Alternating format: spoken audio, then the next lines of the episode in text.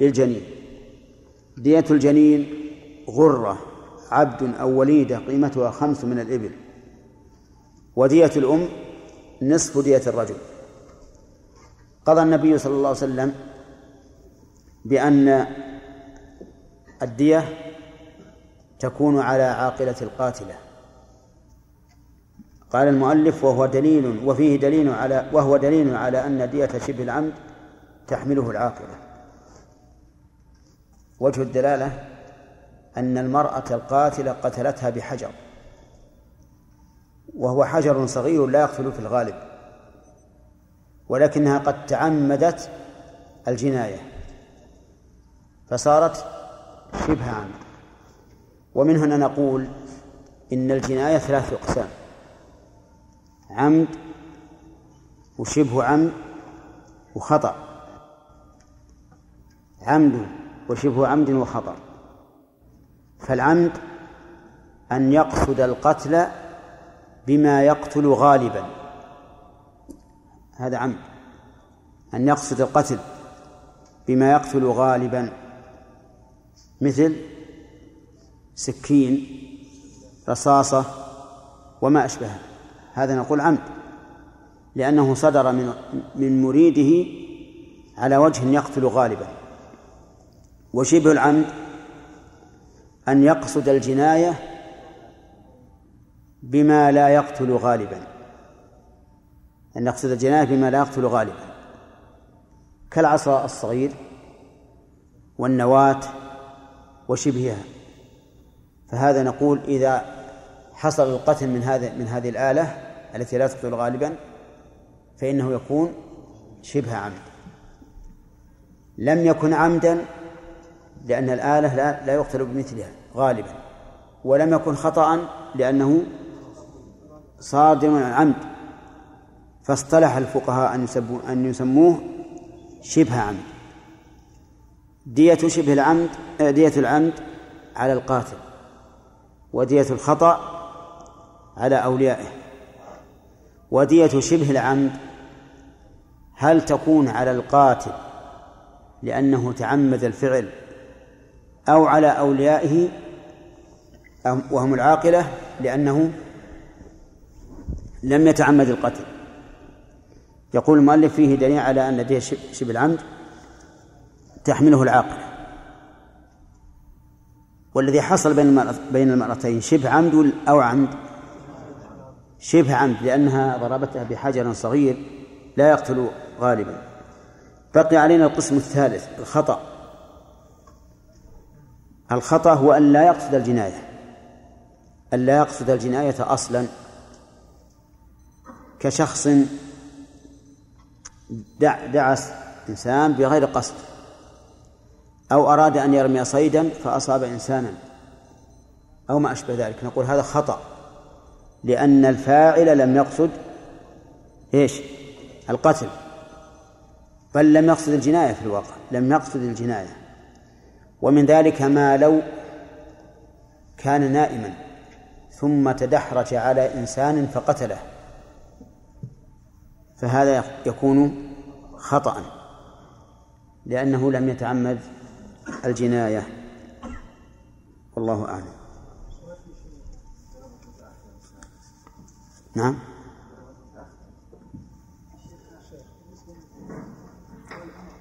نعم.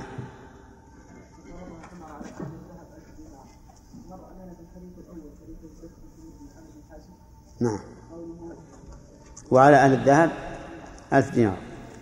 يكون الجمع بينهما أن هذا مما تطابق فيه رأي عمر والسنة.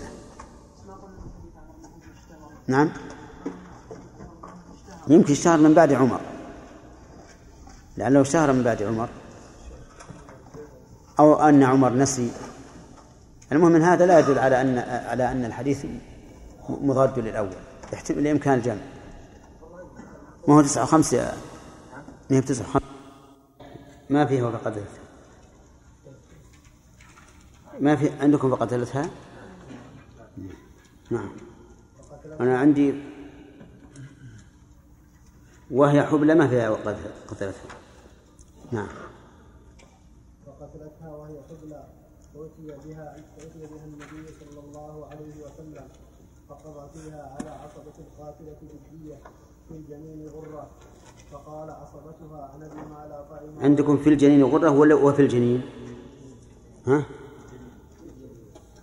مقتضى السياق أن تكون فيها واو. طيب. فقال عصبتها أنا بما لا طعم ولا شرب ولا صاح ولا استهل مثل ذلك يطل. يطل. مثل ذلك يطل. فقال سجع مثل مثل سجع الأعراب رواه أحمد ومسلم. وأبو داود والنسائي وكذلك الترمذي ولم يذكر احتراب العصبة وجوابه وعن ابن عباس في قصة حمل بن مالك. حمل حمل بن مالك. حمل بن مالك. قال فأسقطت غلاما قد نبت شعره ميتا وماتت المرأة فقضى على العاقلة جدية. فقال عمها إنها قد أسقطت يا نبي الله غلاما قد قد نبت شعره. فقال أبو القاتلة إنه كاذب. إنه والله ما استهل ولا شيء فمثله يطل فقال النبي صلى الله عليه وسلم وتدعو الجاهلية وكهانتها؟ أدي بالصبي غرة. رواه أبو داود والنسائي وهو دليل على أن الأب من العاقلة. بسم الله الرحمن الرحيم. سبق الكلام في دية الجنين وأن دية الجنين غرة والغرة عبد أو أمة وسمي بذلك لأنه أنفس الأموال وأصل الغرة بياض في وجه الفرس وهي تكون في في الأموال النفيسة. كل الأموال النفيسة تسمى الغرة. يقال غرة المال الذهب مثلا. الرقيق من أنفس الأموال. فقضى النبي صلى الله عليه وسلم في الجنين غرة. مثاله رجل ضرب امرأة حاملا فأسقطت جنينا. نقول يجب في هذا الجنين غرة عبد أو أمة. وقدر العلماء قيمتها بخمس من الإبل.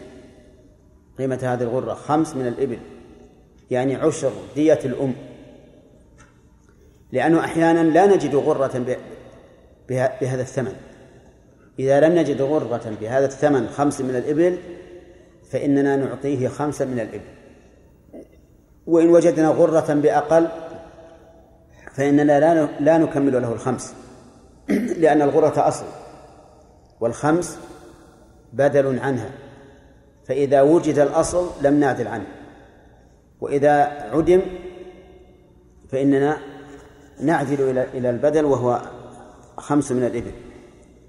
وقد ذكر المؤلف فيه أحاديث منها عن المغيرة بن شعبة. نعم. وسبق لنا أن في الأحاديث أو في الحديثين اللذين ذكرهما المؤلف دليل على أن دية شبه العمد تحمله العاقلة. وهنا لا بد أن نعرف الفرق بين أنواع الجنايات. قالوا إن أنواع الجنايات ثلاثة. عمد وشبه عمد وخطأ. فالعمد أن يقصد من يعلمه آدميا معصوما فيقتله بما يغلب على الظن موته به. انتبه أن يقصد من يعلمه آدميا معصوما فيقتله بما يغلب على على الظن موته به. هذا التعريف. التعريف له شروط. أن يقصد من يعلمه. خرج بقوله أن يقصد من لم يقصد الجناية. كرجل يصلح سلاحه مثلا فانطلقت الرصاصة منه على شخص عنده فمات. هل هذا عمد؟ لماذا؟ لأنه لم يقصد من يعلمه آدميا معصوما فإن أطلق الرصاص على شبح يظنه بهيمة فتبين آدميا معصوما فهل هو عمد؟ لا لأنه أطلق الرصاص على من يظنه بهيمة. طيب أطلق الرصاص على شخص يظنه كافرا حربيا. فتبين مسلما نعم. خطأ ولا عمد خطأ لأنه قصد الجناية على شخص غير معصوم. طيب. ألقى العصا أو رمى بالعصا على شخص وهي عصا صغيرة فمات الرجل. ليس بعمد لماذا؟ لأنه لا يقتل غالبا. فهذا هو العمد له هذه القيود أن يقصد من يعلمه آدميا معصوما فيقتله بما يغلب على الظن موته به. شبه العمد أن يقصد جناية لا تقتل غالبا. هو تعمد الجناية ضرب المعصوم عمدا قصدا لكن على وجه لا. لا. لا يقتل. فمات.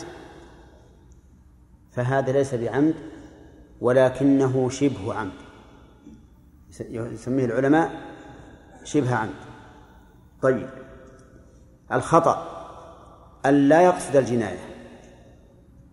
أن لا يقصد الجناية على رجل معصوم. مثل أن يرمي صيدا فيصيب آدميا. أو يطلق الرصاص على شبح يظنه حيوانا فتبين إنسانا. فهذا خطأ. الفرق بينهما العمد موجب للقصاص. وديته مغلظة. شبه العمد ديته مغلظة غير موجب للقصاص. فاختلف مع العمد بإيش؟ بأنه لا يوجب القصاص والعمد يوجبه. وشاركه في كون الدية مغلظة. الخطأ لا يوجب القصاص ولا تغلظ فيه الدية. ففارقهما. وافق شبه العمد في أنه إيش؟ لا. لا يوجب القصاص. وخالفه في كون الدية مخففة. التغليظ والتخفيف هو أن الدية مئة بعير. المغلظة منها تكون أرباعا. خمس وعشرون بنت مخاض وخمس وعشرون بنت لبون وخمس وعشرون حقة وخمس وعشرون جذعة. والمخففة تكون أخماسا عشرون بنت مخ... عشرون بنت مخاض وعشرون بنت لبون وعشرون حقة وعشرون جذعة. طيب الكفارة هل تجب في الأنواع الثلاثة أو لا؟ نقول لا تجب في العمد وتجب في شبه العمد والخطأ.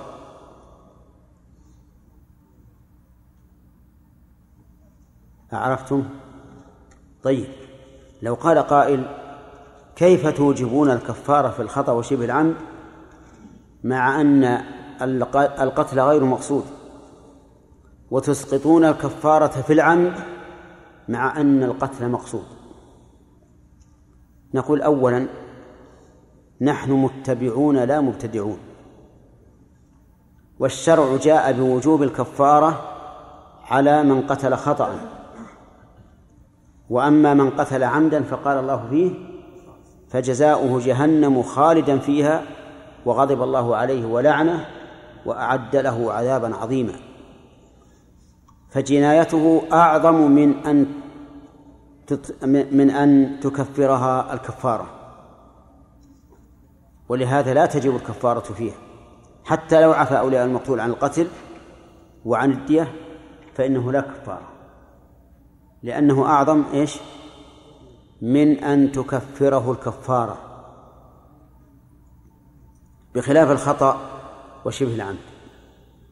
فصار العلة في أن العمد لا كفارة فيه مركبة من دليل سمعي ودليل عقلي. السمعي أن الله أوجب الكفارة بالخطأ ولم يجبها في العمد. والعقلي أن العمد أعظم من أن تكفره الكفارة لأن جزاء فاعله أن يكون مخلدا في النار. فجزاؤه جهنم خالدا فيها وغضب الله عليه. ولعنه وأعد له عذابا عظيما. طيب. الدية. هل تجب الدية إذا إذا إذا سقط القصاص في الأنواع الثلاثة كلها؟ الجواب نعم لكن على من تجب؟ في العمد على القاتل وفي الخطأ وشبه العمد على العاقلة. خليكم معي. في العمد على القاتل وفي الخطأ وشبه العمد على الدية على العاقلة نعم على العاقلة لماذا؟ لأن المتعمد ليس أهلا للرفق وأن يتحمل عنه. ليس أهلا لأن يرفق به ويتحمل عنه. فألزمناه نفسه بالدية. وشبه العمد والخطأ. الإنسان فيهما مخطئ غير قاصد للقتل فهو أهل لأن يرفق به ويتحمل عنه. البحث الثاني إذا أوجبنا الدية على العاقلة فهل وجوبها عليهم أصالة أو بالنيابة عن عن الجاني المشهور من المذهب أنها أصالة. ولهذا لا يحمل الجاني منها شيء لا يحمل الجاني منها شيئا. ولو كان أغنى من قارون. وتحمل العاقلة ولو كانت أمورها ميسرة. فإن لم يوجد عاقلة أو وجد عاقلة فقيرة أخذ من بيت المال. وهذا الذي عنده أموال قارون لا يحمل شيئا. وقيل بل الدية على العاقلة ليست بالأصالة بل بالنيابة وأن وأن الجاني يحمل معه وإذا تعذر تحميل العاقلة حمل الجاني جميع الدية. ولكن سيأتينا إن شاء الله في كلام المؤلف من الأحاديث ما يدل على أن العاقلة تحمل على كل حال. ثم نرجع الآن إلى ما نحن بصدده من الكلام على الجنين ماذا يجب فيه إذا سقط. قال وعن المغيرة بن شعبة عن عمر أنه استشارهم في إملاص المرأة إملاص أي إسقاط إسقاط المرأة. فقال المغيرة قضى النبي صلى الله عليه وسلم فيه بالغرة عبد أو أمة. فشهد محمد بن مسلمة أنه شهد النبي صلى الله عليه وسلم وصلى الله عليه وآله وسلم قضى به متفق عليه. إذا فها هنا رجلان كلاهما عدل. شهد بأن النبي صلى الله عليه وسلم قضى فيه بغرة عبد أو أمة. وفي هذا الحديث من الفوائد تواضع أمير المؤمنين عمر بن الخطاب رضي الله عنه حيث استشار الصحابة في حكم هذه المسألة. وفيه دليل على أن الكبير قد تخفى عليه بعض مسائل العلم. فإن هذه المسألة خفيت على عمر. ولهذا استشار الصحابة. مع أنه رضي الله عنه كان موفقا للصواب. وفيه دليل على أن الذي يستشار في مسألة ما هو من كان عالما فيها. وكل شيء بحسبه. فإذا أردنا أن نصلح ماكينة السيارة من نستشير؟ نستشير النجارين. أو لا؟ ليش؟ ما عنده خبرة بهذا الأمر. طيب نستشير طلبة العلم. ما عندهم خبرة. نستشير المهندسين في الميكانيكيين. لأن عندهم خبرة. فعمر رضي الله عنه إنما يستشير من هم أهل للاجتهاد والعلم؟ ليس يستشير عامة الناس؟ واستشارة عامة الناس ليست من الشرع في الأصل وهو ما يعرف بالانتخابات. فإن الانتخابات المعروفة ليس ليس لها أصل من الشرع لأن الانتخابات يشترك فيها العقلاء والسفهاء الحلماء والسفهاء. والعقلاء والمجانين. ولا وإن شئتم فقولوا والحمار والحمير والكلاب. ولهذا تشترى فيها الضمائر. تشترى. ينجح فيها من؟ الأكثر الأكثر فلوس يدفع. يدفع. الاستشارة إنما تكون لذوي الرأي. الموثوقين. وليست لعامة الناس وجمهور الناس. لأن جمهور الناس لا يمكن ضبطهم على الوجه الأكمل ولأن الفوضى تحصل والخيانة تكثر فليست هذه من الشر. طيب وفي هذا وفي هذا الحديث أيضا دليل على التثبت في الخبر بمعنى أنه إن أخبرك من تثق به فلا تقتصر خصوصا في المسائل المهمة. تثبت لأن محمد بن مسلمة شهد بما شهد به المغيرة إيش؟ تقوية وتثبيتا لما شهد به. وفعل ذلك إما لأن عمر رضي الله عنه توقف أو لعلمهم أن أمير المؤمنين عمر بن الخطاب رضي الله عنه يحب التثبت. يحب التثبت كما في ميراث الجدة. طيب. ومن فوائد هذا الحديث أن الواجب في الجنين غرة عبد أو أمان وعن المغيرة وعن المغيرة أن امرأة ضربها ضربتها ضرتها بعمود فسطاط. شوف الغيرة من النساء. عمود الفسطاط الفسطاط الخيمة الصغيرة. لعلها أغضبتها أو غارت منها فضربتها بعمود فسطاط وهي حبلى فأت ف عندكم؟ فأتي فيها النبي صلى الله عليه وسلم فقضى فيها على عصبة القاتلة بالدية وقضى في الجنين غرة العاقلة قضى عليهم بالدية عاقلة من؟ عاقلة القاتلة. فمن العاقلة؟ العاقلة هي التي تحمل الدية. لأنها تأتي بالدية فتعقلها عند بيت المستحق. واضح؟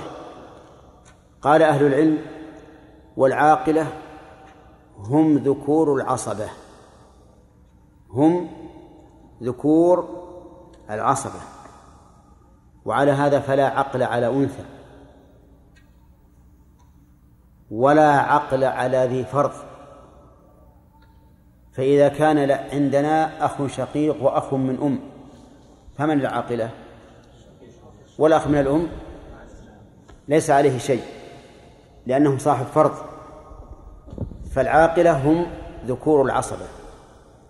وفي هذا وفي ونحن الآن نشير. إلى أهمية علم الفرائض لأنك تحتاج إليه في عدة أبواب من العلم. فمثلا إذا كنت لا لست فرضيا هل تعرف العاصب من ذي الفرض؟ لا. إذن احرص على الفرائض. وكيف نحمل العاقلة؟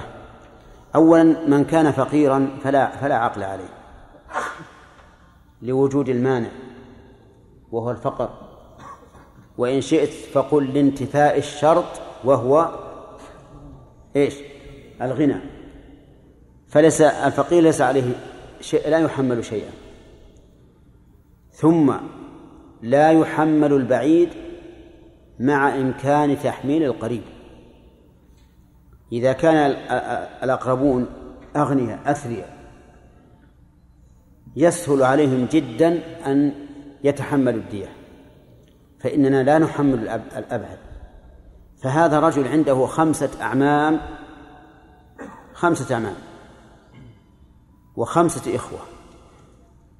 الإخوة أغنياء. يسهل على الواحد منهم أن يتحمل عشرين بعيرا. والأعمام أغنياء. فهل نحمل الأعمام في هذا الحال؟ لا. لماذا؟ لاستغنائنا بتحميل الأقرب. فإن كان الإخوة فقراء أو حالهم ميسورة لا تتحمل المساواة. ها قصدي لا تتحمل المواساة. نحمل الأعمام. فإن كان الأعمام كذلك وله بنو عم أيسر حملنا بني العم الأيسر. وهكذا كالدائرة في الماء يعني كدوائر الماء ترمي به بحجر. تتسع تتسع. طيب فإن كانوا كلهم فقراء العصبة فإنه يتحملها بيت المال. لأن بيت المال بيت لدفع حوائج المسلمين. هذا هو الأصل. أن بيت المال تدفع به حوائج المسلمين سواء كانت خاصة كهذه المسألة أو عامة كإصلاح الطرق وبناء المساجد ونحو ذلك. نعم. يقول قضى على عصبة القاتل بالدية في الجنين غرة فقال عصبتها أندي من لا طعم ولا شرب ولا صاح ولا استهل مثل ذلك يطل. هؤلاء أرادوا أن يبطلوا الحق بالباطل. أتوا بهذا السجع. نعم. المسجع. لأجل إبطال الحق. استمعوا. أندي من لا طعم ولا شرب. يعنون بذلك إيش؟ الجنين. ولا صاح ولا استهل. سقط ميتا. فمثل ذلك يطل أي يهدر ولا يقام له قيمة. فقال النبي صلى الله عليه وسلم سجع مثل سجع الأعراب. قال ذلك منكرا عليه وفي هذا دليل في هذا الحديث يؤخذ منه أن أهل الباطل قد يروجون الباطل بزخارف القول. والباطل إما إثبات للباطل أو رد للحق. وهذا الذي معنا رد للحق. فأنكره النبي صلى الله عليه وآله وسلم وقال سجع مثل سجع الأعراب. رواه أحمد ومسلم وأبو داود والنسائي وكذلك الترمذي ولم يذكر اعتراض العصبة وجوابه وعن ابن عباس رضي الله عنهما في قصة حمد بن مالك قال فأسقطت غلاما. قد نبت شعره ميتا وماتت المرأة. من المرأة؟ أمه. فقضى على العاقلة بالدية. فقال عمها إنها قد أسقطت يا نبي الله غلاما قد نبت شعره. فقال أبو القاتلة إنه كاذب. يعني أن هذا الغلام لا يستحق أن يودع. والله ما استهل ولا شرب فمثل ذلك يطل. فقال النبي صلى الله عليه وآله وسلم أسجع, أسجع الجاهلية. وكهانتها أد في الصبي غرة رواه أبو داود والنسائي. يعني أتسجع سجع الجاهلية؟ ثم أمره أن يؤدي في الصبي غرة. عبد أو أمة. قال المؤلف وهو دليل على أن الأب من العاقلة. لأن النبي صلى الله عليه وآله وسلم حمله. وإنما أشار المؤلف إلى هذه المسألة لأن بعض العلماء قال إن الأصول والفروع ليسوا من العاقلة. وهذا قول ضعيف. لأن من سوى الأصول والفروع؟ من الحواشي من أين اتصلوا بك؟ من الأصول. فإذا كان فإذا كان من من اتصل بك بالأصول عليه عقل فالأصل الذي اتصل به من باب أولى. فالصحيح أن أن العاقلة هم جميع العصبة من أصول وفروع وحواشي ومن فوائد هذا الحديث أن أهل الباطل يزخرفون القول إما باللفظ وإما بالمعنى. فتارة يأتون بشبه عقلية وتارة يأتون بألفاظ ساحرة. إن من البيان لسحرا وأنت إذا قرأت كتب أهل الباطل ككتب أهل البدع الذين ينكرون صفات الله. ربما تقول إن الحق معهم لأنهم يأتون بزخارف القول ولكنها كما قيل حجج تهافت كالزجاج تخالها حقا وكل كاسر مكسور. كلها حجج باطلة ينقضها بعضهم. على بعض وربما ينقضها الواحد منهم على نفسه.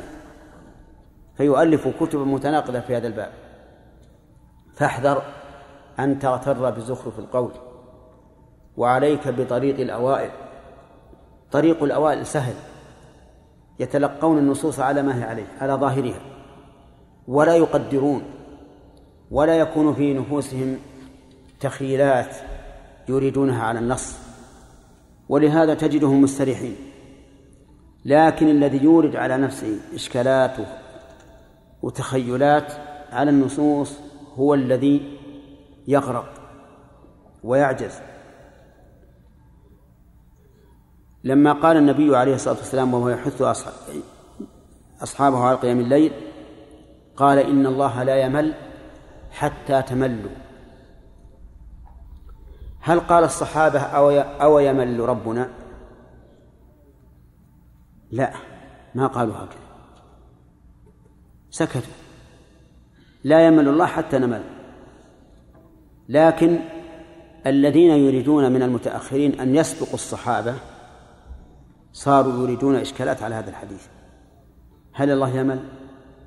والملل يدل على الضعف وعدم التحمل؟ وكيف ذلك؟ ألا فسروا لنا الحديث؟ ألا يسعكم ما وسع الصحابة؟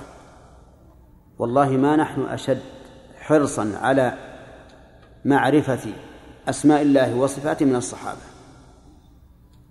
ومع ذلك لا يسألون هذه الأسئلة.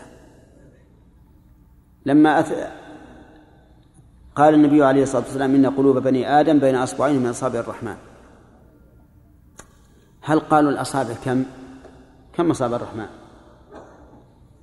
هل قالوا هل لها أنامل؟ هل لها مفاصل؟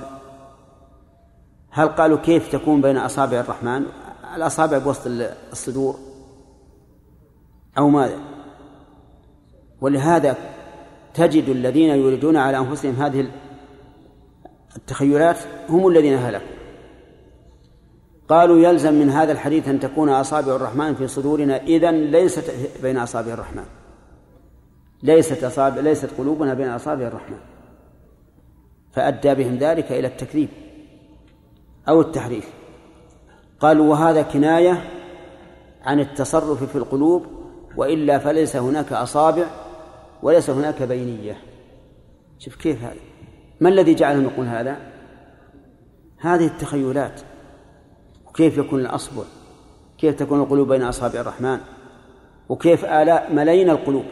كيف تكون بين أصبعين من أصابع الرحمن؟ مثل هذه التقديرات احذرها فإن جانب الربوبية أعظم من أن تتخيله أو تدركه بخيالك. إذا كان الله سبحانه وتعالى يرى ولكن لا تدركه الأبصار مع أن إدراك الأبصار إدراك حسي لا يذهب فيه الوهم كثيرا. ومع ذلك نحن لا ندركه. كيف ندركه بخيالاتنا بخيالاتنا؟ المشحونة بالهوى. فالواجب عليك يا أخي المسلم أن تدارك نفسك. ومثل هذه الأمور دعها. شيء لم يفعله الصحابة لا تفعله وما أحذق مالكا رحمه الله حينما سئل الرحمن على العرش استوى كيف استوى؟ فقد عرق حتى جعل يتصبب عرقا. وقال الاستواء معلوم والكيف مجهول والإيمان به واجب والسؤال عنه بدعة. رحمه الله. وهل الصحابة لما أنزل الله هذه الآية في سبع مواضع من القرآن هل قالوا كيف استوى؟ أهو جالس أم محتبي؟ أم فاعل كذا أم فاعل كذا ما قالوا هكذا. قالوا استوى على العرش الرحمن وانتهوا. وأنت اسلك سبيلهم حتى تنجو. أما مسائل الأحكام الفقهية العملية التي تتعلق بالإنسان هذه لا بأس أن تبحث عنها. بشرط أن يكون قصدك الحق لا الهوى. وأما ما يتعلق بجانب الربوبية فكن أديبا مع الله. امشي على ما مشى عليه الصحابة رضي الله عنهم حتى تنجو. فهؤلاء الذين عارضوا حكم النبي صلى الله عليه وسلم في دية الجنين أو تحمل العقل عارضوه بحق أو بباطل بباطل. فهم كقول الشيطان لما أمر بالسجود لآدم أنا خير منه. خلقتني من نار وخلقته من طين. هم كذلك؟ قالوا كيف نغرم؟ من لا شرب ولا أكل ولا ولا نطق ولا استهل فمثل ذلك يطل.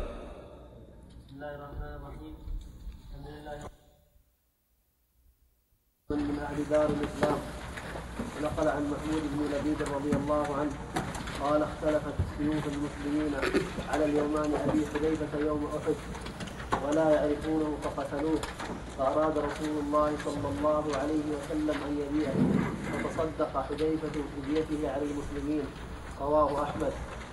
وعن عروة بن الزبير رضي الله عنه قال كان أبو حذيفة اليمان شيخا كبيرا.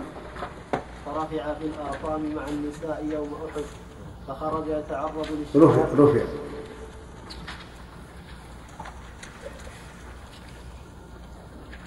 فرفع في الأطام فرفع في الأطام يوم فرفع في الأطام مع النساء يوم أحد فخرج يتعرض للشهادة فجاء من ناحية المشركين فابتدره المسلمون فتوشقوه بأسيافهم وحذيفة يقول أبي أبي فلا يسمعونه من شغل الحرب حتى قتلوه فقال حذيفة يغفر الله لكم وهو أرحم الراحمين. فقضى النبي صلى الله عليه وسلم بديته رواه الشافعي. بسم الله الرحمن الرحيم. الحمد لله رب العالمين وصلى الله وسلم على نبينا محمد وعلى آله وأصحابه أجمعين.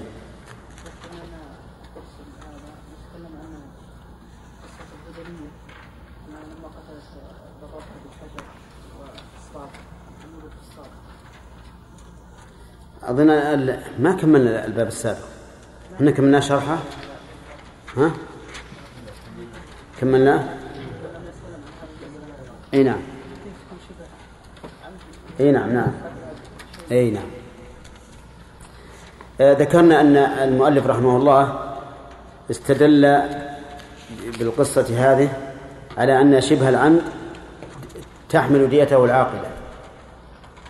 وقلنا إن شبه العمد على تفسير الفقهاء أن يقتله ها بما لا يقتل غالبا يتعمد.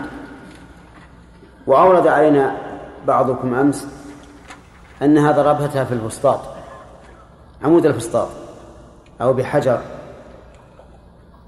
وهذا يقتل غالبا لا سيما إذا إذا كانت الضربة على البطن وهي حامل فإنها تقتل غالبا. فهل يكون في هذا منافاة لقول الفقهاء رحمهم الله نقول إنه لا منافاة لاحتمال أن تكون لم ترد القتل لم ترد القتل بل بل لم ترد الإصابة فيكون من باب الخطأ يعني لعلها هيبتها في ذلك ولكن هذا الاحتمال بعيد.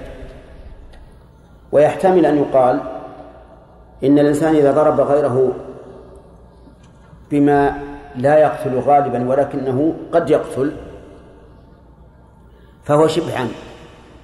وعمود الفسطاط لا شك أنه إذا ضرب ضربه إنسان قوي على بطن حامل فإنه يقتل غالبا. لذلك تبقى المسألة مشكلة إلا أن إلا إن كان أحد من أهل العلم يقول إن شبه العمد أن أن يضربه عمد أن يضربه عمدا لكن لا يقتل لا يقصد القتل. يضربه عمدا ولو كان بما يقتل لكن بدون أن يقتل أن يقصد القتل. إن كان أحد قال بذلك فهو المطابق تماما للحديث وإلا ففيه نظر. قال باب من قتل في المعترك باب من قتل في المعترك من يظنه كافرا فبان مسلما من أهل دار الإسلام. أولا لا بد أن نعرف قول المؤلف من أهل دار الإسلام. ما هي دار الإسلام؟ وهذا أمر مهم. دار الإسلام هي التي تعلن فيها شعائر الإسلام. مثل الأذان إقامة الجمعة إقامة الجماعات. ويعرف أنه أنها بلد إسلامي. حتى وإن كان حكامها لا يحكمون بالإسلام لأن العبرة بالظاهر العبرة بالظاهر. فما دام ظاهر هذه البلد الإسلام وهي تنتمي للإسلام فإنها تكون دار إسلام. أما إذا كانت لا تحكم بالإسلام ولا تظهر فيها شعائر الإسلام ويمنع من رفع من رفع صوت المؤذن ومن إقامة الجماعات وإقامة الجمع فهي دار فهي دار كفر قال عن محمود بن لبيد قال قال اختلفت اختلفت سيوف المسلمين على اليمان أبي حذيفة يوم أحد ولا يعرفونه فقتلوه فأراد النبي صلى الله عليه وآله وسلم أن يديه فتصدق حذيفة بيده على المسلمين رواه أحمد.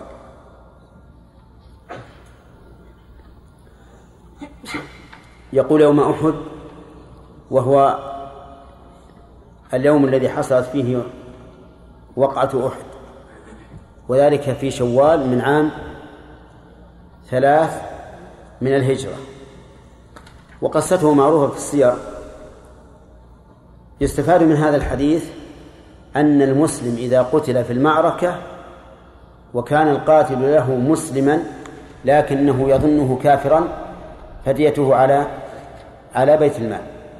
لأن النبي صلى الله عليه وآله وسلم أراد أن يديه فتصدق حذيفة بديته على المسلمين.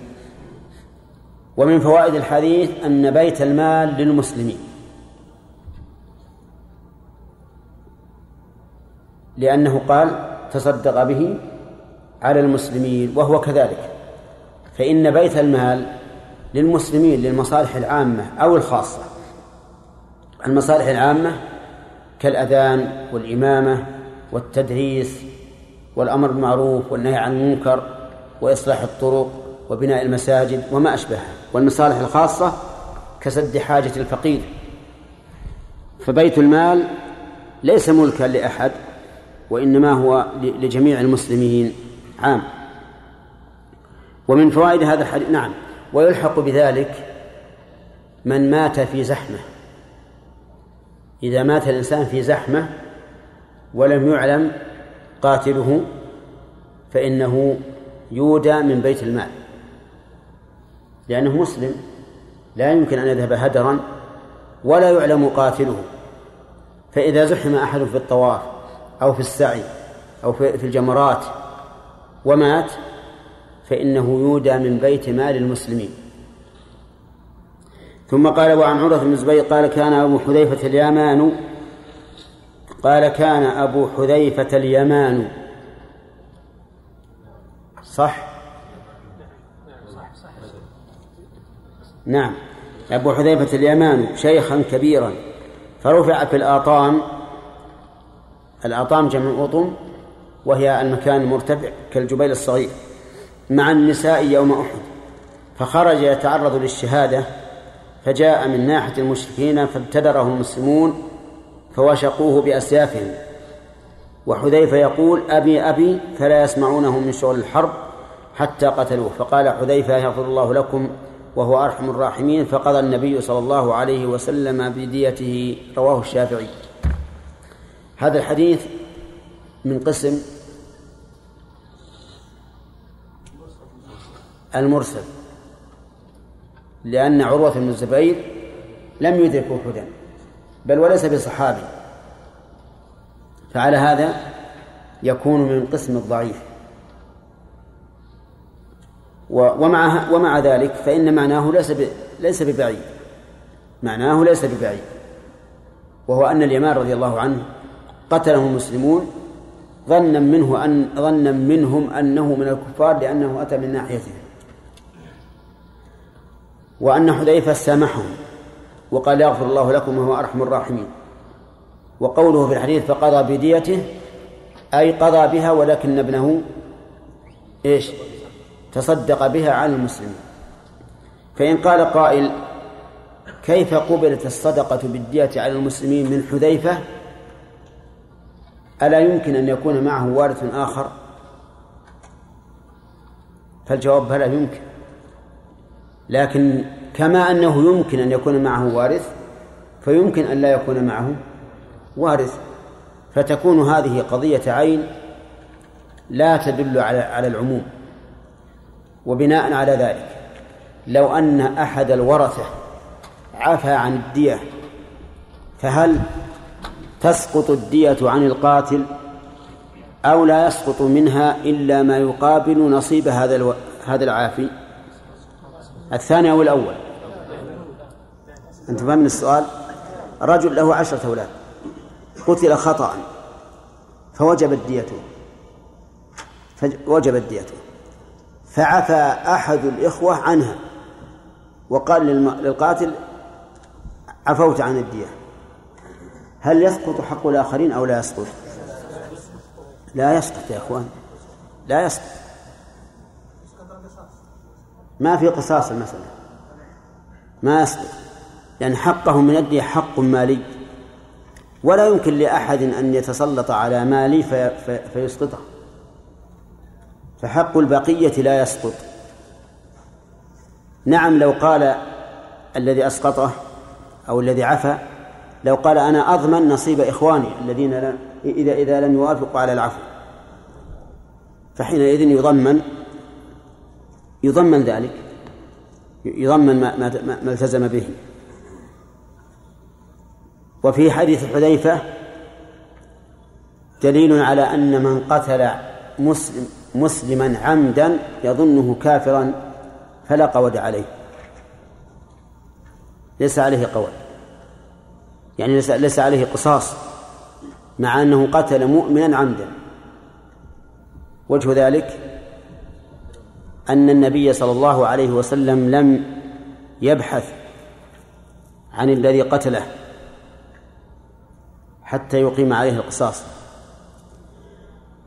فإن قال قائل ما وجه جعل الدية على بيت المال مع أنه يمكن معرفة القاتل وتضمينه الدية قف قائما. اذهب توضأ. إذا قال قائل لماذا نجعل الدية على بيت المال؟ مع أنه يمكن أن نعرف القاتل ونضمنه. فالجواب أن القاتل قتل لمصلحة المسلمين.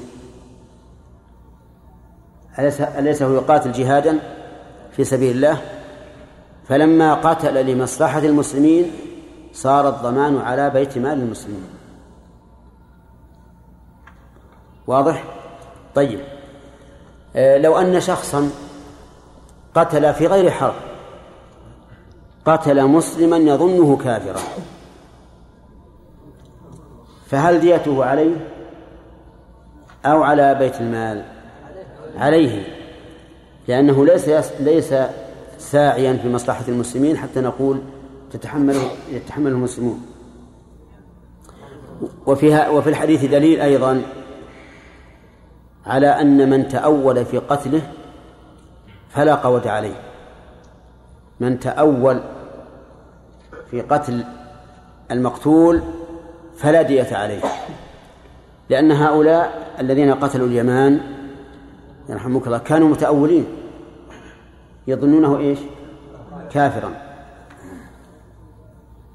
ويدل لذلك قصة أسامة بن زيد رضي الله عنه. حين لحق بالمشرك. فلما أدركه شهد المشرك شهادة الحق. فقال لا إله إلا الله. فقتله أسامة. فلما بلغ ذلك النبي صلى الله عليه وآله وسلم قال له أقتلته بعد أن قال لا إله إلا الله؟ قال أسامة قالها تعوذا. يعني مستعيذا بها من القتل يعني لا قاصدا. فقال أقتلته بعد أن قال لا إله إلا الله؟ فما زال يكررها حتى قال أسامة تمنيت أني لم أكن أسلمت بعد. الله أكبر.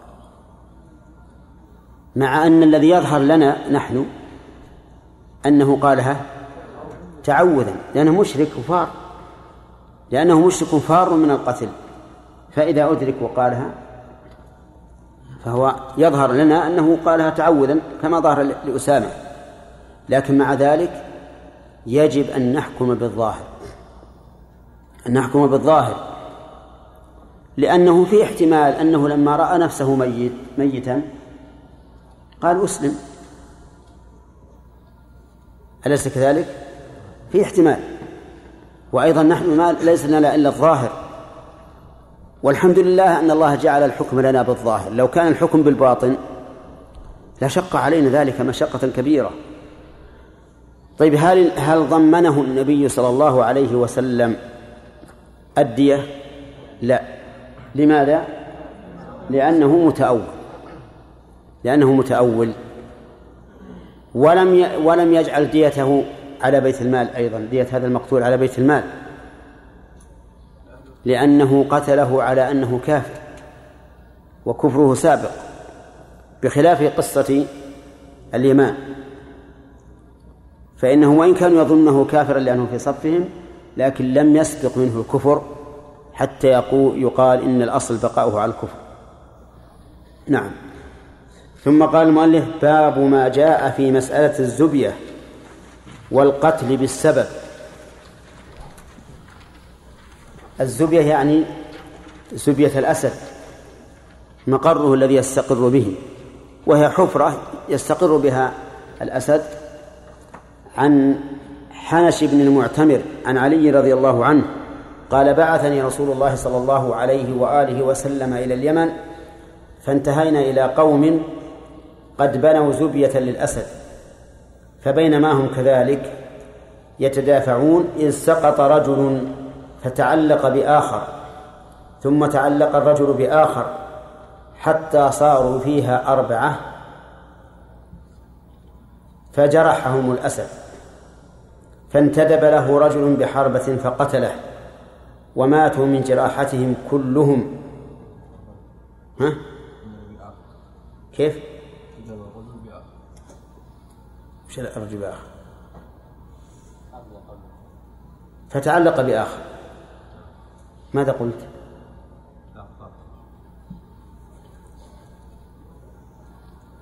وماتوا من جراحتهم من جراحتهم كلهم فقام أولياء الأول إلى أولياء الآخر الآخر فأخرجوا السلاح ليقتتلوا فأتاهم علي رضي الله عنه على تلك على إيش؟ تفئة ذلك. فقال أتريدون أن أتريدون أن تقتلوا؟ أتريدون أن تقتتلوا ورسول ورسول الله صلى الله عليه وسلم حي؟ إني أقضي بينكم قضاء إن رضيتم به فهو القضاء وإلا وإلا إيش؟ حجرة؟ وإلا حجر بعضكم على بعض حتى تأتوا النبي صلى الله عليه وسلم. فيكون هو الذي يقضي بينكم فمن عدا بعد ذلك فلا حق له. اجمعوا من قبائل الذين حضروا البئر ربع الدية وثلث الدية ونصف الدية والدية كاملة. فللأول ربع الدية لأنه هلك من فوقه ثلاثة وللثاني ثلث الدية وللثالث نصف وللرابع الدية كاملة. فأبوا أن يرضوا فأتوا النبي صلى الله عليه وآله وسلم وهو عند مقام إبراهيم فقصوا عليه القصة فأجازه رسول الله صلى الله عليه وسلم رواه أحمد ورواه بلفظ آخر نحو هذا وفيه وجعل الدية على قبائل الذين ازدحموا. وعن علي وعن علي بن رباح اللخمي أن أعمى كان ينشد في الموسم في خلافة عمر بن الخطاب رضي الله عنه وهو يقول يا أيها الناس لقيت منكرا هل يعقل الأعمى الصحيح المبصر؟ خرا معا كلاهما تكسرا. وذلك أن أعمى كان يقوده بصير فوقع في بئر فوقع الأعمى على البصير فمات البصير فقضى عمر بعقل البصير على الأعمى رواه الدار قطني. عجيبة القصة.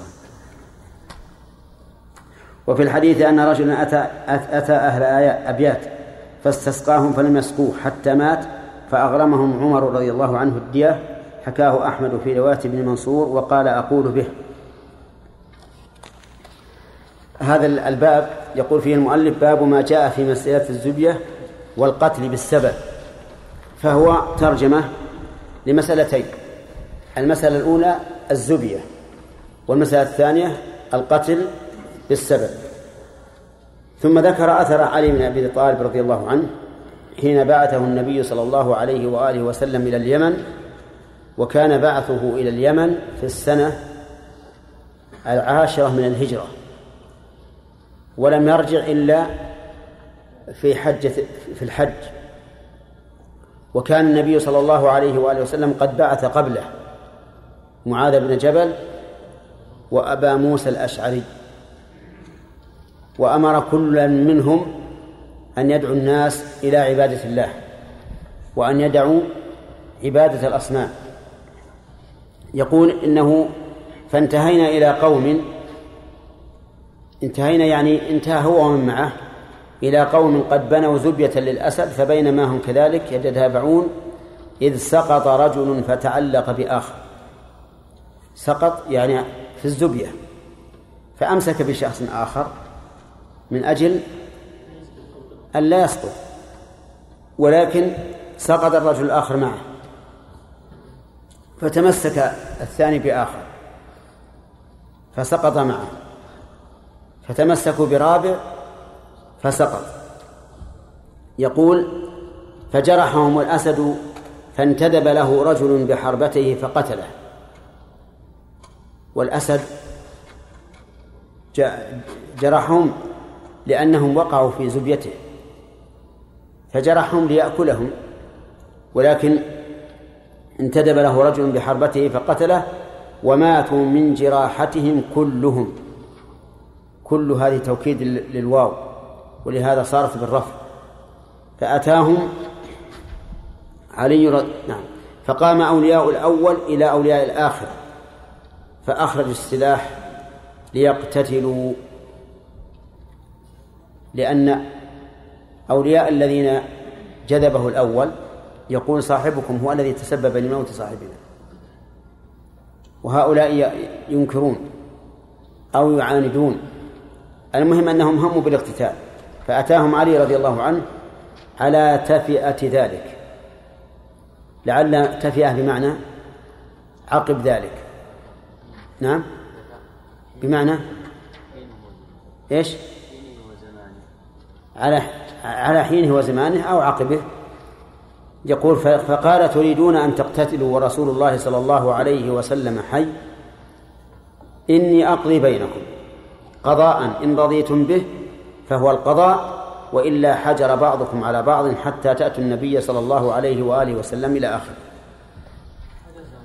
ها؟ بالزاي؟ كل النسخ هكذا؟ ها؟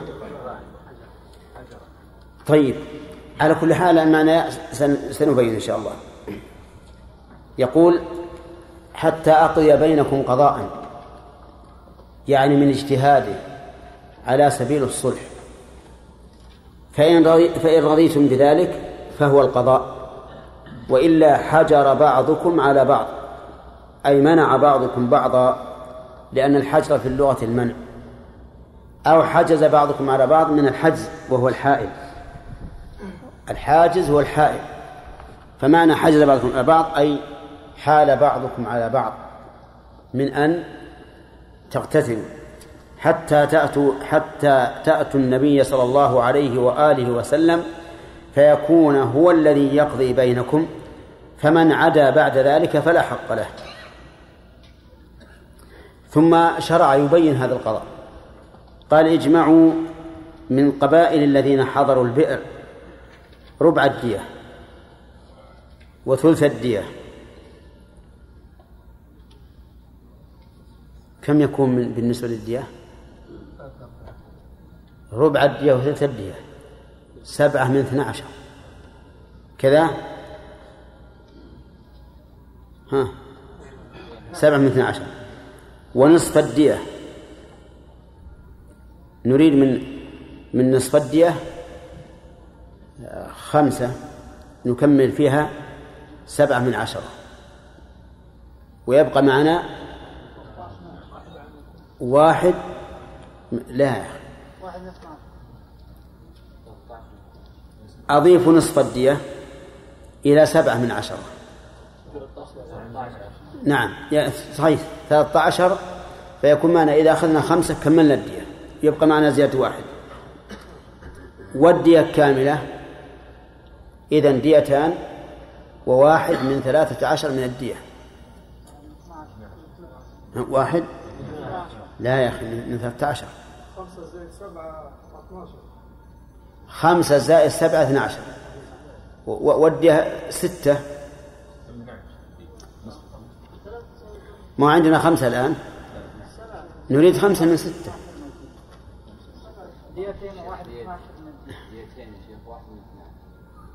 مئتين؟ من اثنى عشر ولا من ثلاثة عشر؟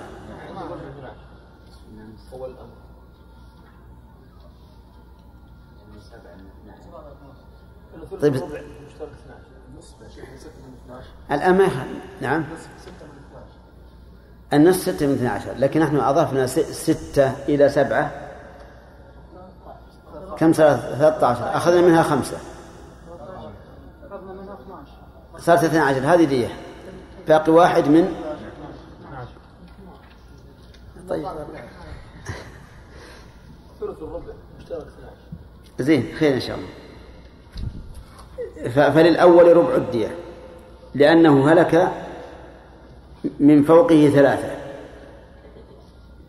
وللثاني ثلث الدية لأنه هلك من فوقه اثنان وهو الثالث. وللثالث نصف الدية لأنه هلك من فوقه واحد. وللرابع الدية لأنه لم يهلك من فوقه أحد. يعني تمت المسألة ربع وثلث ونصف ودية كاملة. قال فللأول ربع الدية. إلى فأبوا فأبوا أن يرضوا فأتوا النبي صلى الله عليه وآله وسلم وهو عند مقام إبراهيم ولعل هذا في حجة الوداع فقصوا عليه القصة فأجازه رسول الله صلى الله عليه وسلم. رواه أحمد ورواه بلفظ آخر نحو هذا وفيه وجعل الدية على قبائل الذين ازدحموا. والله أعلم.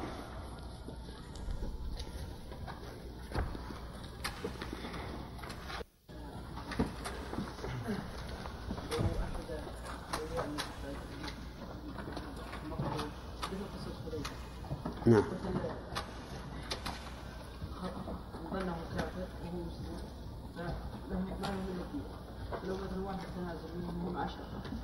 نعم.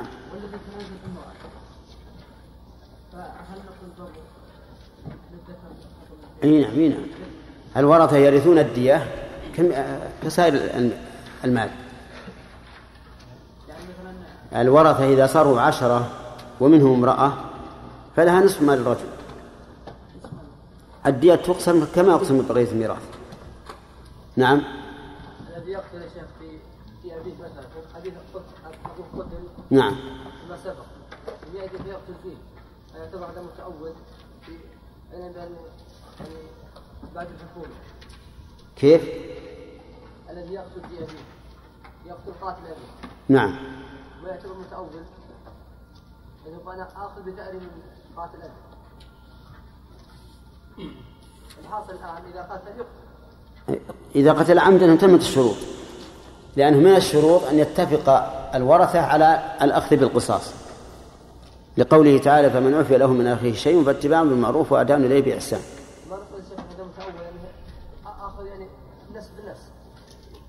على كل حال ينظر. قد يكون معتديا إذا كانت في في وقتنا الآن لا أحد يقتص إلا بعد مراجعة الحكومة. وبعد القضاء الشرعي فلو تعجل وقتل قتل. نعم.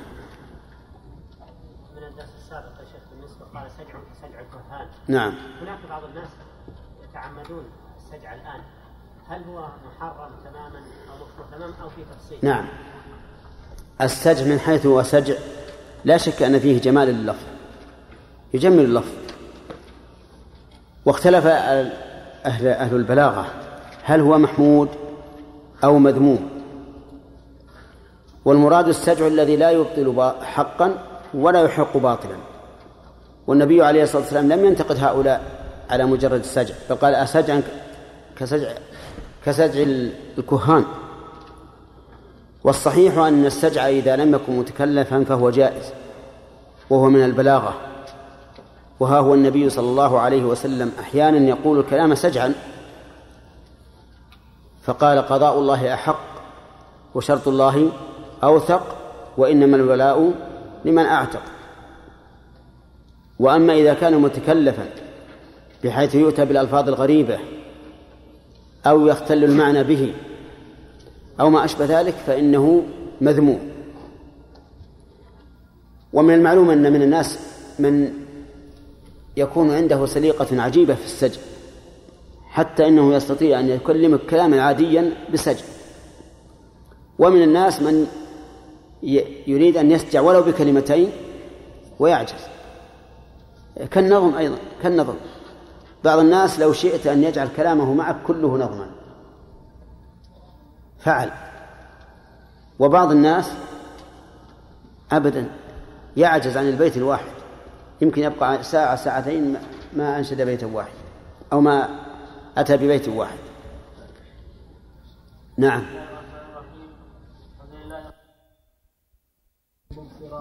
خر مع كلاهما تفسرا وذلك أن أعمى كان يقول بصيرا فوقع في البئر فوقع الأعمى على البصير فمات البصير فقضى عمر بعقل البصير على الأعمى رواه الدار قطني وفي الحديث أن رجلا أتى أهل أبيات فاستسقاهم فلم يسلوه حتى مات فأغرمهم عمر الدنيا حكاه أحمد في رواية منصور وقال أقول به. رحيم تقدم لنا من قتل في المعترك بين الكفار والمسلمين ظنا من القاتل أنه من الكفار. فإنه إيش؟ يودى من بيت المال. وإن تصدق ورثته بذلك على بيت المال فلا بأس. وسبق لنا قصة الزبية. الزبية الحفرة للأسد. في الأربعة الذين تماسكوا. سقط أحدهم فأمسك بواحد. ثم الثاني بثالث. ثم الثالث برابع. وقضى بها علي, علي بن أبي طالب رضي الله عنه أن توزع الدية على الحاضرين ويكون الأول الربع وللثاني الثلث وللثالث النصف وللرابع دية كاملة. ووجه هذا الحكم الذي أقره النبي صلى الله عليه وآله وسلم وجهه أن هذا أن هذا الحادث حصل بازدحام الناس تزاحم بعضهم على بعض. وهو والناس عند عند التزاحم. لا تعلم عين القاتل أو المتسبب. لا تعلم. نعم. فجعلت الديات على على من؟ على الجميع يشتركون فيها. لأن الزحام انضمام الناس بعضهم إلى بعض. والانضمام من من طرف من طرف المجموعة إلى آخره. كل هذا انضمام. حتى آخر واحد منهم من من الخارج تجده يضم نفسه إلى الآخرين ليشاهد ويطالع فصارت الديات على هؤلاء إيش؟ المزدحمين على هؤلاء المزدحمين لكن لماذا وزعت على الساقطين هذا التوزيع؟ لأن الأول سبب ميت سبب موته أربعة أشياء فعل نفسه وفعل الثلاثة الآخرين. هو من الذي جذب الآخرين؟ هو. فلما كان جذب ثلاثة على نفسه حتى حتى أماتوه ألغيت الدية. ألغيت الدية. وصار له ربع الدية على من؟ على المزدحمين الذين كانوا سببا لسقوطه. ما أدري واضح ولا لا. واضح؟ موت الأول له أربعة أسباب. موت الأول له أربعة أسباب. السبب الأول ازدحام الناس. صح ولا لا؟ طيب هذا فيه ربع الدية. السبب الثاني والثالث والرابع سقوط هؤلاء عليه. سقوط هؤلاء عليه كان بفعله هو. كان بفعله هو. والإنسان إذا قتل نفسه أو كان سببا في قتل نفسه ليس له دية ليس له دية فأهدرت فأهدر ثلاثة أرباع الدية لأنه كان هو السبب في ذلك وبقي الربع على من؟ على المزدحمين واضح يا جماعة؟ طيب هذا أيضا الثاني له ثلث الدية. لأنه مات بسبب جذب الأول له أو بسبب الزحام وبسبب سقوط الرجلين عليه. وسقوط الرجلين عليه هو السبب هو السبب. فسقط ثلث الدية وبقي الثلث. والثالث ها. النصف لأنه لأن موته بسبب الزحام وجذب بعضهم بعضا وسبب سقوط الرابع عليه والرابع سقط عليه بسببه هو هو الذي جذبه فألغي نصف الدية. والرابع عليه الدية كاملة له الدية كاملة لأنه ليس ليس له سبب في قتل نفسه. ليس له سبب في قتل نفسه. هذا هو وجه هذه المسألة. والله أعلم. يعني لا نحن يكفينا أن الرسول صلى الله صلى الله عليه وآله وسلم أقرها لكن هذا هو وجه هذا الحكم. ثم قال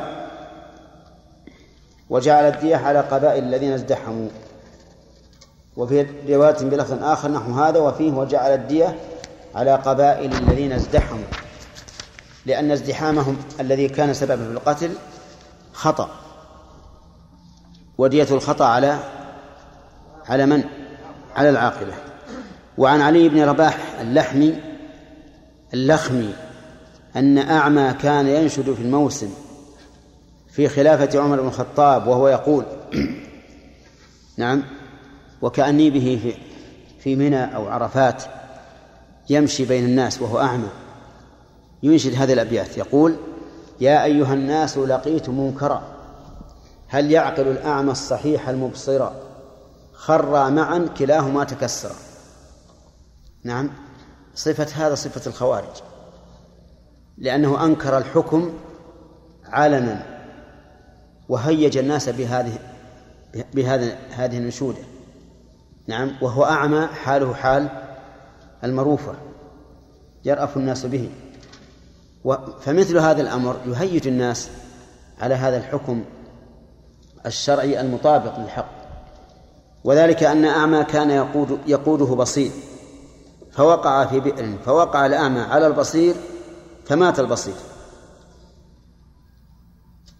كلاهما يمشيان في طريق. والبئر والله أعلم كانت غير واضحة لأنها لو كانت واضحة لاتقاها البصير ولم يقع فيها أو إن البصير كان غافلا يحدث الأعمى. نعم ولم يخطر بباله أن حوله بئرا أن فسقط جميعا فوقع الأعمى على البصير وقع الأعمى على البصير. فمات البصير بسبب وقوع الأعمى عليه ولعل الأعمى كان كبير الجثة. نعم لما وقع عليه أهلكه. فقضى عمر رضي الله عنه بعقل البصير على الأعمى. رواه الدار قطني. وهذا الحكم بكون الأعمى يضمن البصير صحيح أو غير صحيح؟ صحيح. إذا قضى به عمر فعمر رضي الله عنه له سنة متبعة. وهو أيضا وجيه من الناحية النظرية. لأن الأعمى لأن البصير مات بسبب بسبب الأعمى سقط عليه فأهلكه. ويستفاد من هذا الأثر أن من سقط على شخص فمات بسقوطه عليه فهو ضامن له. وكذلك من نام على شخص إلى جنبه حتى خنقه فإنه يضمنه. وفي الحديث أن رجلا أتى أهل أبيات فاستسقاهم فلم يسقوه حتى مات فأغرمهم عمر رضي الله عنه الدية حكاه أحمد في رواية بن منصور وقال أقول به. ولكن هذا لم يذكر أمامنا مسندا إلا أن أن إلا أنه قد صح عند الإمام أحمد لأنه أخذ به. فيستفاد منه أن من اضطر إلى شيء وطلبه من شخص فأبى عليه حتى مات والشخص قادر على دفع ضرورته فإنه إيش؟ فإنه يضمن فإذا اضطر شخص إلى ماء وطلب من آخر أن يسقيه وعنده ماء يمكنه أن يسقيه منه فلم يفعل ضمنه. ضمنه بالدية.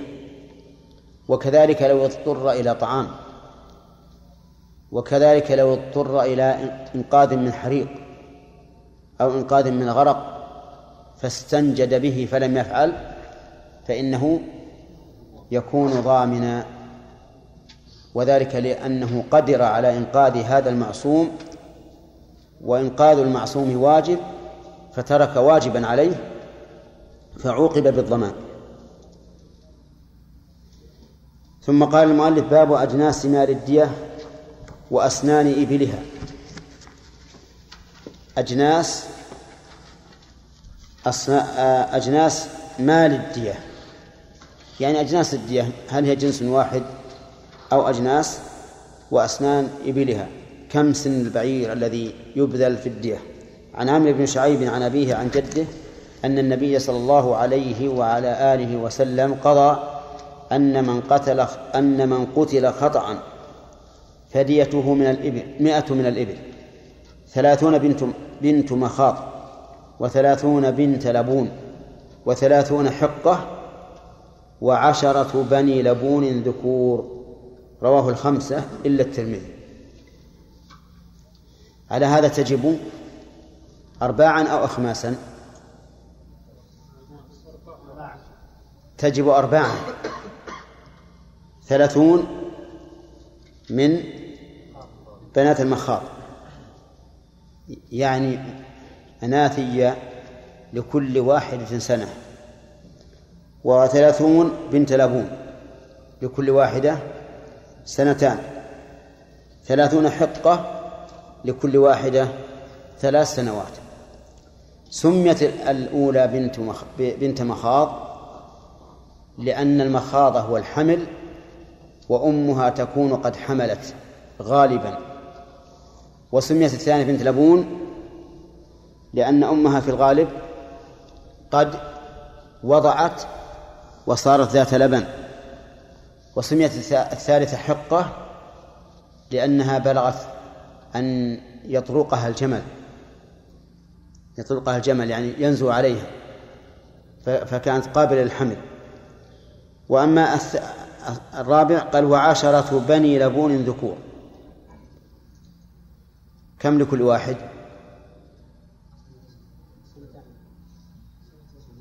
يا ناس ما رحنا بعيد. سنتان. بنت لبون لها سنتان وابن لبون له سنتان. طيب. وعن الحجاج بن أرضات عن زيد بن جبير عن خشب بن مالك الطائي عن ابن مسعود رضي الله عنه. قال قال رسول الله صلى الله عليه وآله وسلم في دية الخطأ عشرون حقة وعشرون جدعة وعشرون بنت مخاض.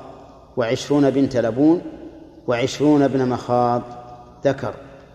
رواه الخمسة وقال ابن ماجه في إسناده عن الحجاج حدثنا زيد بن جبير وقال أبو حاتم الرازي الحجاج يدلس عن الضعفاء فإذا قال حدثنا فلان فلا فلا يرتاب به. الحجاج بن أرطاة مدلس ضعيف لكن إذا قال حدثنا زال التدليس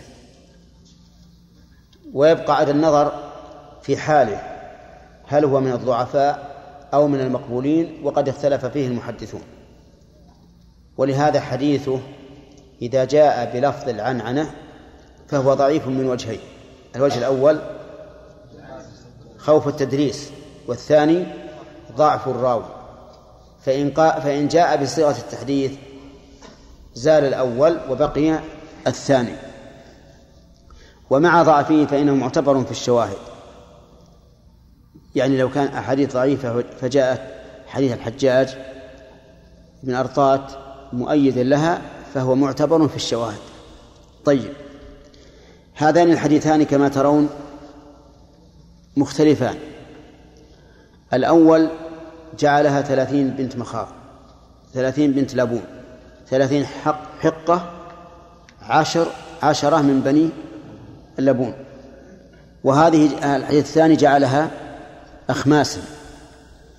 عشرون بنت مخاض عشرون بنت لبون عشرون حقة عشرون جذع عشرون بن لبون. نعم. عشرون بن نعم بن مخاض. فهنا ن... ماذا نقول؟ هل نقول بالأول أو نقول بالثاني؟ اختلف في ذلك الفقهاء رحمهم الله. فأخذ علماء الحنابلة بالثاني. وقالوا دية دية الخطأ أخماس. عشرون بنت مخاض وعشرون ابن مخاض. وعشرون بنت لبون وعشرون حقة وعشرون جدعة. ولو قيل إنه يرجع في هذا إلى اجتهاد الإمام. أو إلى اجتهاد القاضي. لم يكن بعيدا. لأن الحديثين متقاربان من حيث الصحة والحسن. فكان الإنسان مخيرا فيهما. وإذا كان الإنسان مخيرا في مثل هذه الأمور فإنه يتبع ما هو أحسن. قد يكون الأيسر لأهل لمن عليهم الدية أن أن تكون في الحكم بالحكم الأول. وقد يكون أيسر أن تكون بالحكم الثاني حسب ما عنده من من الإبل. ويستفاد من هذين الحديثين أن الإبل هي الأصل في الدية. أن الإبل هي الأصل في الدية. وقد مر علينا في حديث عمرو بن حزم أن على أهل الذهب ألف دينار. أليس كذلك؟ فهل نقول إن كان الذين وجبت عليهم الدية من أهل الإبل أخذنا منهم إبلا؟ وإن كانوا من أهل الذهب أخذنا منهم دنانير؟ وإن كانوا من أهل الفضة أخذنا منهم فضة؟ وهكذا؟ أو نقول إن الأصل هي الإبل وأن ألف دينار في ذلك الوقت تقابل مئة من الإبل. الثاني هو اختيار شيخ الإسلام ابن تيمية رحمه الله وأن الأصل في في الدية هي الإبل والأول هو المذهب وأن وأن الدية خمسة أصول كما سيأتي أو ستة أصول على خلاف في في الحلل هل هي من أصول الدية أو لا. وعن عمرو بن شعيب وعن عطاء بن أبي رباح أن رسول الله صلى الله عليه وسلم قضى وفي رواية عن عطاء عن جابر قال فرض رسول الله صلى الله عليه وآله وسلم في الدية على أهل الإبل مائة, مائة من الإبل وعلى أهل البقر مائتي بقرة وعلى أهل الشاء ألفي شاه وعلى أهل الحلل مائتي حلة رواه أبو داود. وهذا جعل الدية أربعة أصناف. على حسب حال من وجبت عليه. فإن وجبت على بادية أهل الإبل فما هي محمد؟ محمد أمين. نعم. أجب ما هي؟ أين استرحت اللهم اهدنا فيمن هديت. نعم. نعم أحسنت. إذا كان الذي عليهم أدية أهل, أهل إبل فعليهم إبل. إذا كانوا أهل بقر فعليهم بقر. إذا كانوا أهل شاء فعليهم شياه. إذا كانوا أهل حلل يعني تجارا يشتغلون بالثياب والحلل فعليهم حلل. ولكن القيم مختلفة. فمثلا مئة بعير وأهل البقر مئتين. يعني أن قيمة البقرة نصف قيمة البعير. وهذا قد يكون وقد لا يكون. قد تكون قيمة البقرة أكثر من قيمة البعير وقد تكون قيمة البقرة عشر قيمة البعير. لكن ما اعتبر جنسه فلا عبرة بقيمته.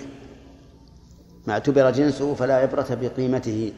طيب أهل أهل الشاء عليهم ألف شاة. ألف شاة. كم تقابل البعير ها؟ عشرين. يعني الآن يقابل البعير عشرون شاة. وهي في الأضحية؟ عن كم؟ عن سبع. وفي قسم الغنائم عن عشر. في الديات البعير عن عشرين. طيب و وعشرون شاة قد تكون قيمتها أكثر من قيمة البعير مرتين أو ثلاثة وقد تكون أقل من قيمة البعير. ولكن كما قلت لكم ما ما اعتبر جنسه فلا عبرة بقيمته. طيب على أهل الحلل مئتي حلة. حلة يعني ثوبين قميص وسراويل ردى وإزار وما أشبه ذلك. ما قيمة الحلة بالنسبة للبقرة؟ لا لا واحدة بواحدة. واحدة بواحدة. لأن البقر مئة بقرة والحلل مئة حلة. لكن بالنظر للقيمة هل تكون قيمة الحلة قيمة بقرة؟ الغالب أنها تكون أقل بكثير. لكن كما ذكرنا آنفا أن ما اعتبر جنسه فلا عبرة بقيمته. والمشهور من المذهب عندنا أن الحلل ليست من أصول الدية. وعلى هذا فلا إشكال في المسألة. وعن عمرو بن شعيب عن أبيه عن جده قال قضى رسول الله صلى الله عليه وسلم أن من كان عقله في البقر على أهل البقر مئتي بقرة ومن كان عقله في الشاء ألف شاة رواه الخمسة إلا الترمذي. وعن عقبة بن أوس عن رجل من أصحاب النبي صلى الله عليه وآله وسلم أن النبي صلى الله عليه وسلم خطب يوم فتح مكة فقال ألا وإن قتيل خطأ العمد بالسوط والعصا والحجر دية مغلظة. دية مغلظة. مئة من الإبل منها أربعون من ثنية إلى بازل عامها. كلهن خلفة. رواه الخمسة إلا الترمذي. انظر سند الحديث هذا في عندكم في الشرح؟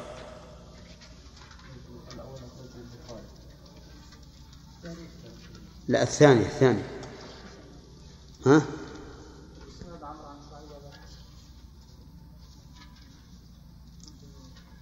حديث عقبة بن أوس عقبة بن أوس لا ما تقدم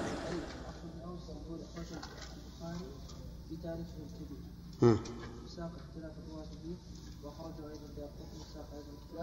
ويشهد له ما اخرجه ابو داود من هو؟ ويشهد له ما أخرجه أبو داود عقبه عقبه من حديث ابن عمر بنحوه وين؟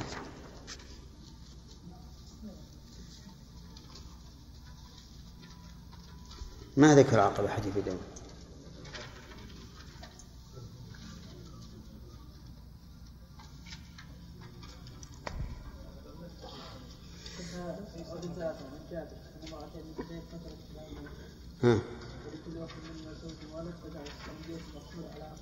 ارفع صوتك شوي يا شيخ. الحديث عن جابر أن امرأتين من هذين قتلت احداهما الاخرى ولكل واحدة منهما زوج وولد. فجعل رسول الله صلى الله عليه وسلم بيت المقتولة على آخرة القاتلة وبرأ زوجها وولدها. قال فقال آخرة المقتولة ميراثها لنا. فقال صلى الله عليه وسلم إيش إيش قال؟ ولد المقتولة؟ ميراثها لنا. فقال رسول الله صلى الله عليه وسلم لا ميراثها لزوجها وولدها رواه أبو داود. وهو حجة في أن ابن المرأة ليس في أن عاقلتها أين جاء هذا؟ بعد؟ في في في باب العاقلة. طيب لا بد إن شاء الله الدرس القادم. نعم.